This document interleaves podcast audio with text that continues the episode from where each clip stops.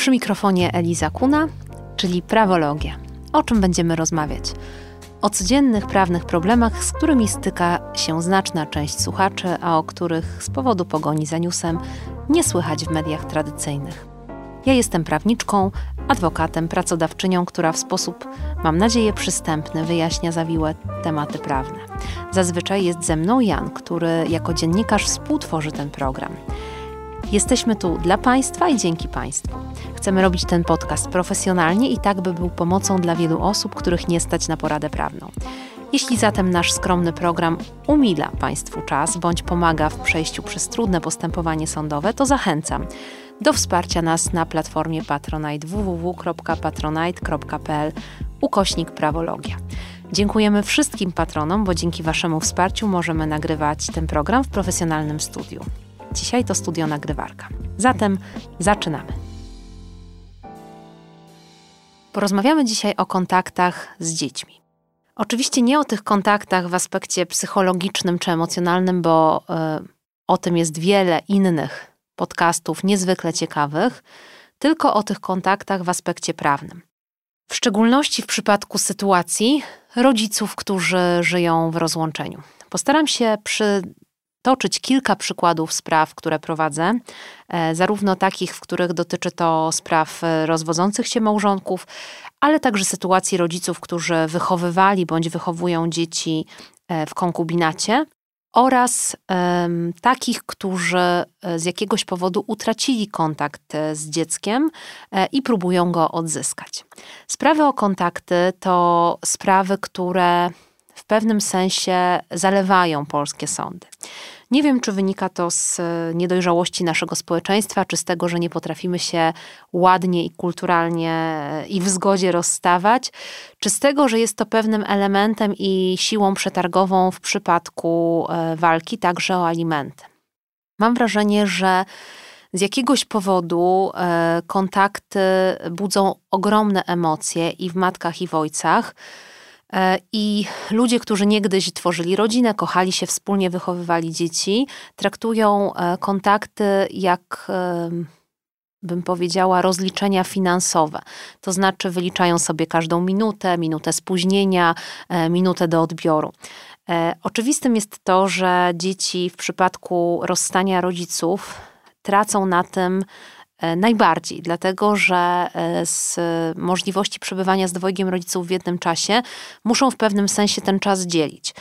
Oznacza to też, że muszą de facto żyć w dwóch domach i niezależnie od formuły kontaktów praktykowanej w danej rodzinie, nadal jest to e, przechodzenie pomiędzy jednym a drugim domem w określone dni tygodnia, w weekendy, w wakacje, ferie, w święta konieczność jeżdżenia, komunikacji, zabierania ze sobą rzeczy, plecaków, e, prac domowych, pamiętania o tym, co należy spakować na następny dzień oraz czy dzisiaj odbiera mnie mama czy tata. Niewątpliwie budzi to napięcia u e, zarówno ojców, jak i matek, ale także u dzieci. Takim złotym standardem e, w polskim postępowaniu o kontakty jest możliwość kontaktu rodzica, który nie mieszka z dzieckiem, zarówno w tygodniu, jak i w weekend. Kiedyś było tak, że w tygodniu większość sądów nie praktykowała kontaktów z noclegami. Najczęściej rodzic, który nie mieszkał z dzieckiem, mógł widzieć się z córką czy synem na przykład trzy godziny po południu i co drugi weekend.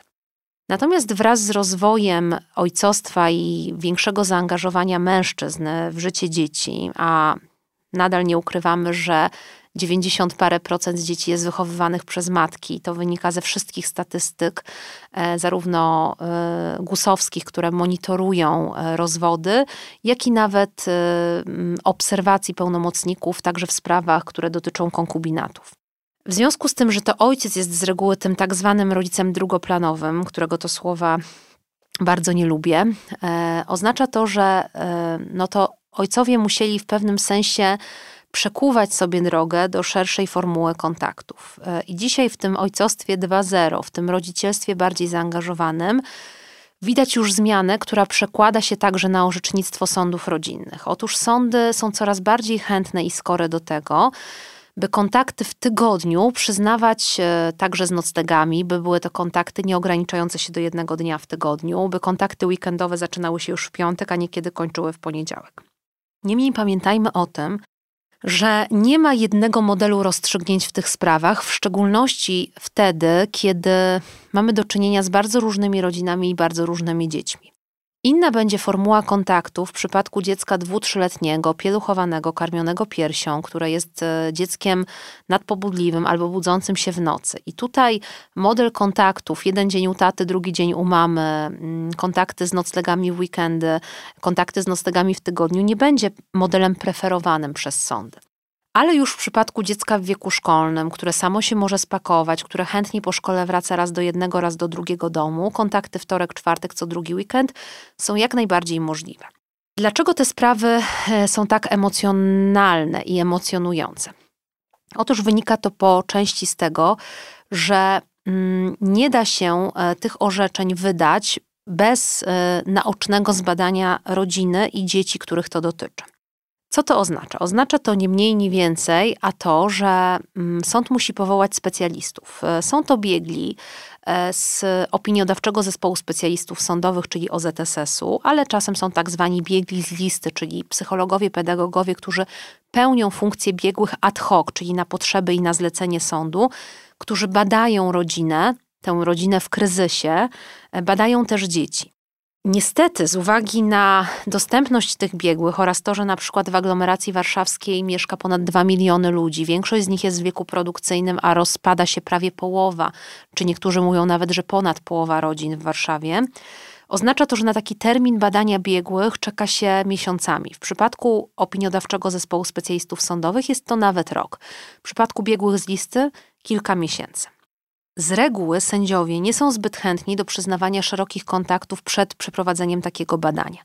Zdarzają się oczywiście wyjątki, ale one są niezwykle rzadkie. Natomiast jest możliwość uzyskania kontaktów w trybie tak zwanego zabezpieczenia. To też słowo, które często pojawia się w postępowaniach rodzinnych. Mam wrażenie, że znacznie częściej niż w innych postępowaniach, w postępowaniach rodzinnych dochodzi właśnie do wydawania tak zwanych zabezpieczeń czyli rozstrzygnięć tymczasowych na czas trwania postępowania, które mają na celu zabezpieczyć sytuację rodziny, dzieci, ojców i matek. Takie zabezpieczenia w przypadku spraw o kontakty najczęściej są wydawane po przeprowadzeniu rozprawy, która obejmuje przesłuchanie stron, czyli mamy i taty. Niemniej w COVID-zie, w okresie pandemii, dochodziło do, w moim przekonaniu, niesłusznego skracania postępowania dowodowego zabezpieczającego i sędziowie bez nawet poznania tej rodziny, wydawali zabezpieczenia kontaktów na posiedzeniach niejawnych. Oczywiście jest to w niektórych przypadkach niebudzących wątpliwości uzasadnione, ale mam wrażenie, że czasem szybkość postępowań w tym przypadku przeważyła nad ich jakością. Zdaję sobie sprawę, że my jako pełnomocnicy narzekamy i na jakość, i na szybkość. E, I idea w idealnym świecie te postępowania powinny być prowadzone zarówno sprawnie, jak i rzetelnie, ale że żyjemy nie w idealnym świecie, to oczywiście e, często są prowadzone powoli, a czy rzetelnie, no to każda ze stron ocenia poprzez skorzystanie z prawa do apelacji. Wracając do kwestii dzieci. Wniosek o zabezpieczenie jest częstym, chyba najczęstszym wnioskiem składanym właśnie w ramach postępowania o kontaktów. Zarówno matka, jak i ojciec dążą do ustabilizowania sytuacji dziecka i rodziców poprzez jakiekolwiek postanowienie tymczasowe, czyli takie, które spowoduje, że każdy będzie mógł planować sobie tydzień. Wielokrotnie dochodzi do kuriozalnych sytuacji wzajemnego porywania sobie dzieci z przedszkola, ze szkoły, ze żłobka, z destabilizacją y, życia tego dziecka włącznie, ponieważ taka córka czy syn nigdy nie wiedzą, kto danego dnia ich odbierze. Dochodzi też do sytuacji przetrzymywania dzieci przez jednego z rodziców, e, ponieważ właśnie bezczynność sądów i brak wydawania postanowień powoduje, że drugi rodzic niewiele jest w stanie z tym zrobić. Natomiast wracając do samych kontaktów, model wtorki, czwartki co drugi weekend jest modelem praktykowanym ale najczęściej te kontakty wtorki i czwartki są kontaktami bez noclegów. Sądy argumentują to tak zwanymi względami praktycznymi czyli tym, że dziecko ma prawo do tego, żeby chociaż przez kilka nocy pod rząd spać w jednym domu, żeby czuć się jednak w jednym miejscu bardziej u siebie, żeby móc odrabiać lekcje w jednym domu, móc spokojnie spakować się i z jednego domu e, wychodzić do szkoły. Czy jest to słuszna argumentacja? Czas pokaże. Mam wrażenie, że tendencja orzecznicza sądów idzie jednak w kierunku opieki naprzemiennej, o której był jeden z poprzednich odcinków e, podcastu. Natomiast póki co większość rodziców musi liczyć się z tym, że kontakty popołudniowe w tygodniu weekendowe e, co drugi weekend są pewnym standardem. Często słyszę zarzuty ze strony ojców, że jest to skrajna dyskryminacja. Nie mam takiego przeświadczenia. Oczywiście sam fakt, że ojciec z założenia jest rodzicem drugoplanowym, jest w pewnym sensie jego pokrzywdzeniem i jest dyskryminujący. Natomiast to, że akurat kontakty w tygodniu są co drugi dzień, nie odbywają się z noclegami, wynika z pewnej psychologii rozwojowej dziecka, ale także często z preferencji samego dziecka. Natomiast jeśli chodzi o inne kwestie, które są poruszane w kontaktach, to e, są to kontakty w tak zwanych e, okresach szczególnych. Takich jak e, weekendy majowe, weekendy bożociałowe, święta wielkanocne Bożego Narodzenia, czy ferie, czy wakacje. Hmm, oczywiście jest to święte prawo i obowiązek drugiego rodzica, który nie mieszka z dzieckiem, kontaktować się także w tych okresach szczególnych ale mam wrażenie, że kiedy ta walka przybiera już takie znaczne rozmiary, to dochodzi do pewnych aberracji w e, żądaniach co do tych kontaktów. To znaczy, lista e, dni szczególnych, które e, są obchodzone przez rodzica niemieszkającego z dzieckiem, jest tak długa, że nie wystarcza liter w alfabecie, bo okazuje się, że oprócz świąt, wakacji, ferii i długich weekendów pojawia się święto zmarłych, Dzień dziadka, dzień babci, dzień matki, dzień ojca, dzień psa, rozpoczęcie roku, zakończenie roku, urodziny dziecka, imieniny dziecka, urodziny ojca, imieniny ojca, urodziny babci. I w ten sposób można tworzyć listę tych okresów szczególnych, w pewnym sensie wypaczając ideę postanowienia sądu. Dlatego, że jeśli oprócz kontaktów zwyczajowo przyjętych dodamy do tego te wszystkie dni szczególne, które miałyby przysługiwać drugiemu rodzicowi, niekiedy okaże się, że dziecko może spędzać więcej czasu u drugiego rodzica, aniżeli u tak zwanego rodzica pierwszoplanowego. W związku z tym e, warto rozważyć, czy naprawdę e, koniecznym jest, żeby regulować kontakt w Dzień Dziecka czy w e, zakończenie roku, dlatego że nic nie stoi na przeszkodzie, żeby ten Dzień Dziecka obejść innego dnia. A poza tym przy normalnym rozkładzie dni tygodnia i weekendów często jest tak, że siłą rzeczy Dzień Dziecka, czy zakończenie roku szkolnego, czy urodziny ojca, czy też imieniny dziecka wypadają naturalnie w dzień kontaktów drugiego rodzica, czyli tego rodzica, który na stałe z dzieckiem nie mieszka. Postępowania o kontakty e, są też pewnym orężem e, w walce z drugim rodzicem i nie da się ukryć, że są też pewnym narzędziem sprzężonym z postępowaniem alimentacyjnym.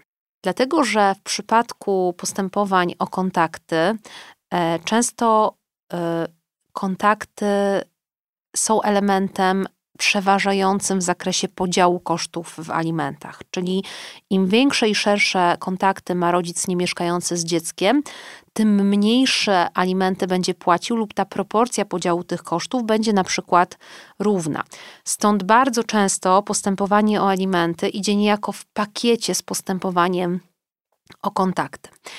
Niemniej doświadczeni pełnomocnicy rodzinni oraz mediatorzy rodzinni oraz oczywiście sędziowie rodzinni są w stanie w większości przypadków wskazać, jakie kontakty będą przysługiwały rodzicowi w określonej sytuacji bez właściwie prowadzenia wieloletniego postępowania dowodowego.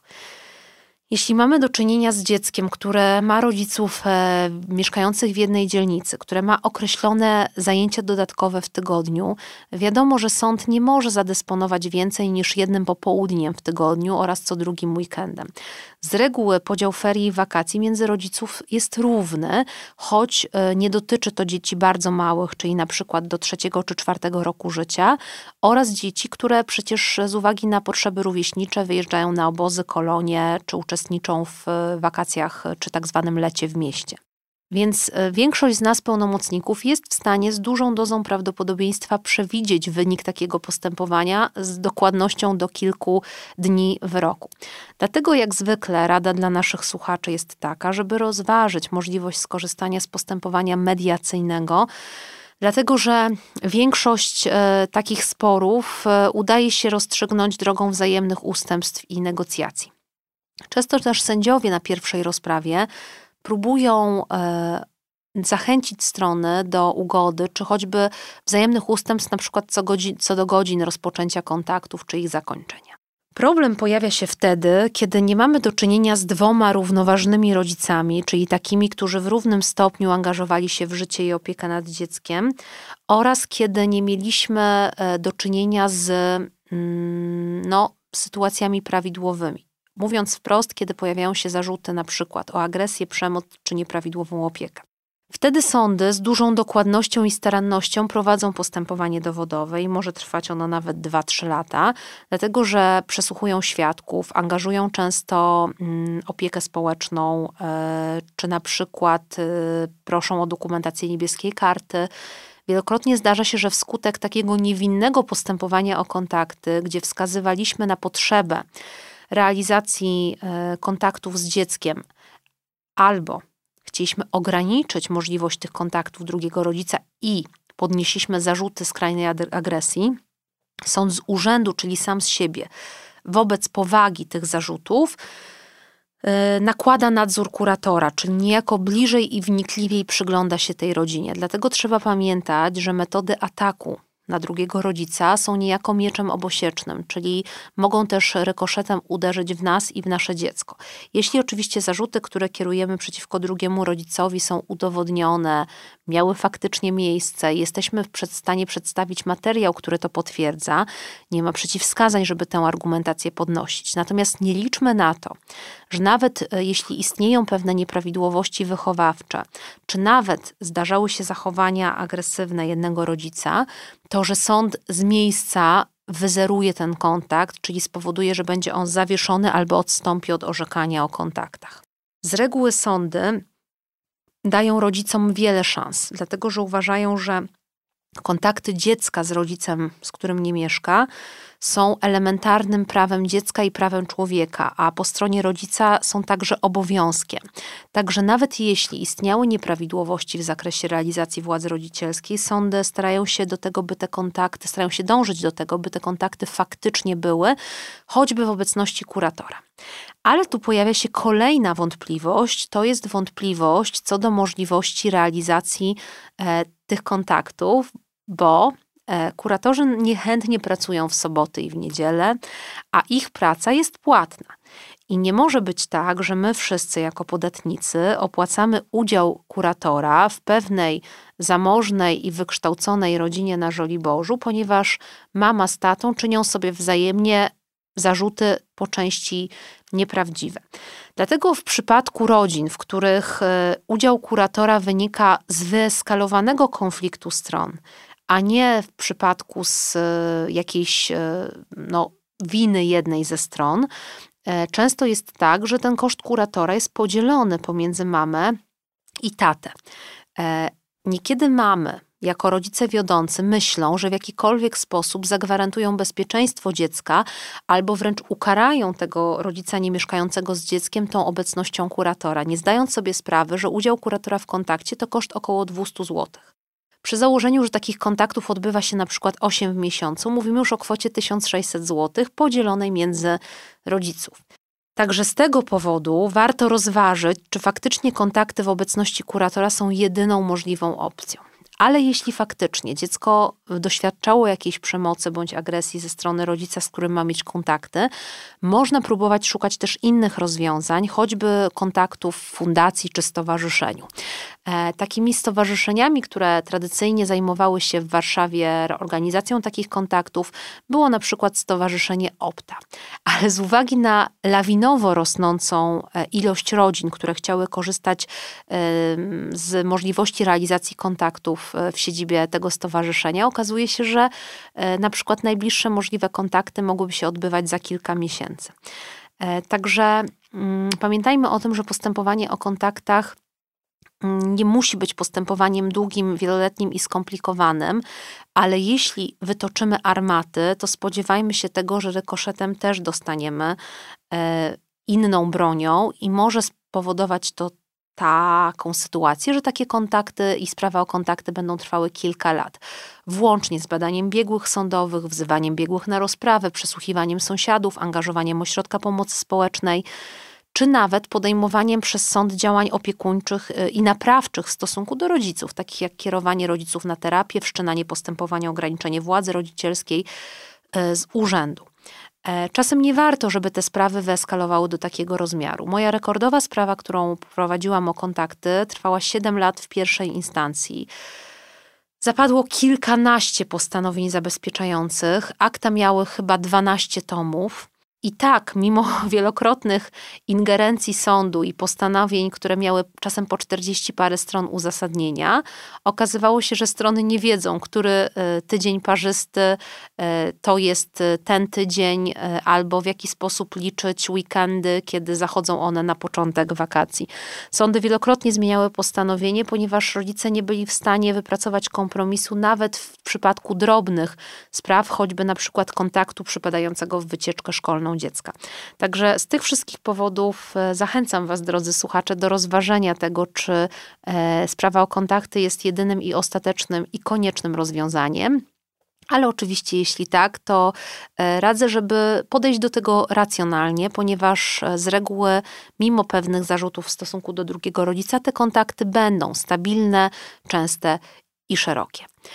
A poza tym niezmiennie zachęcam do śledzenia naszego podcastu, e, słuchania kolejnych odcinków, wspierania nas na platformie Patronite, a także śledzenia moich profili społecznościowych na Facebooku czy Instagramie.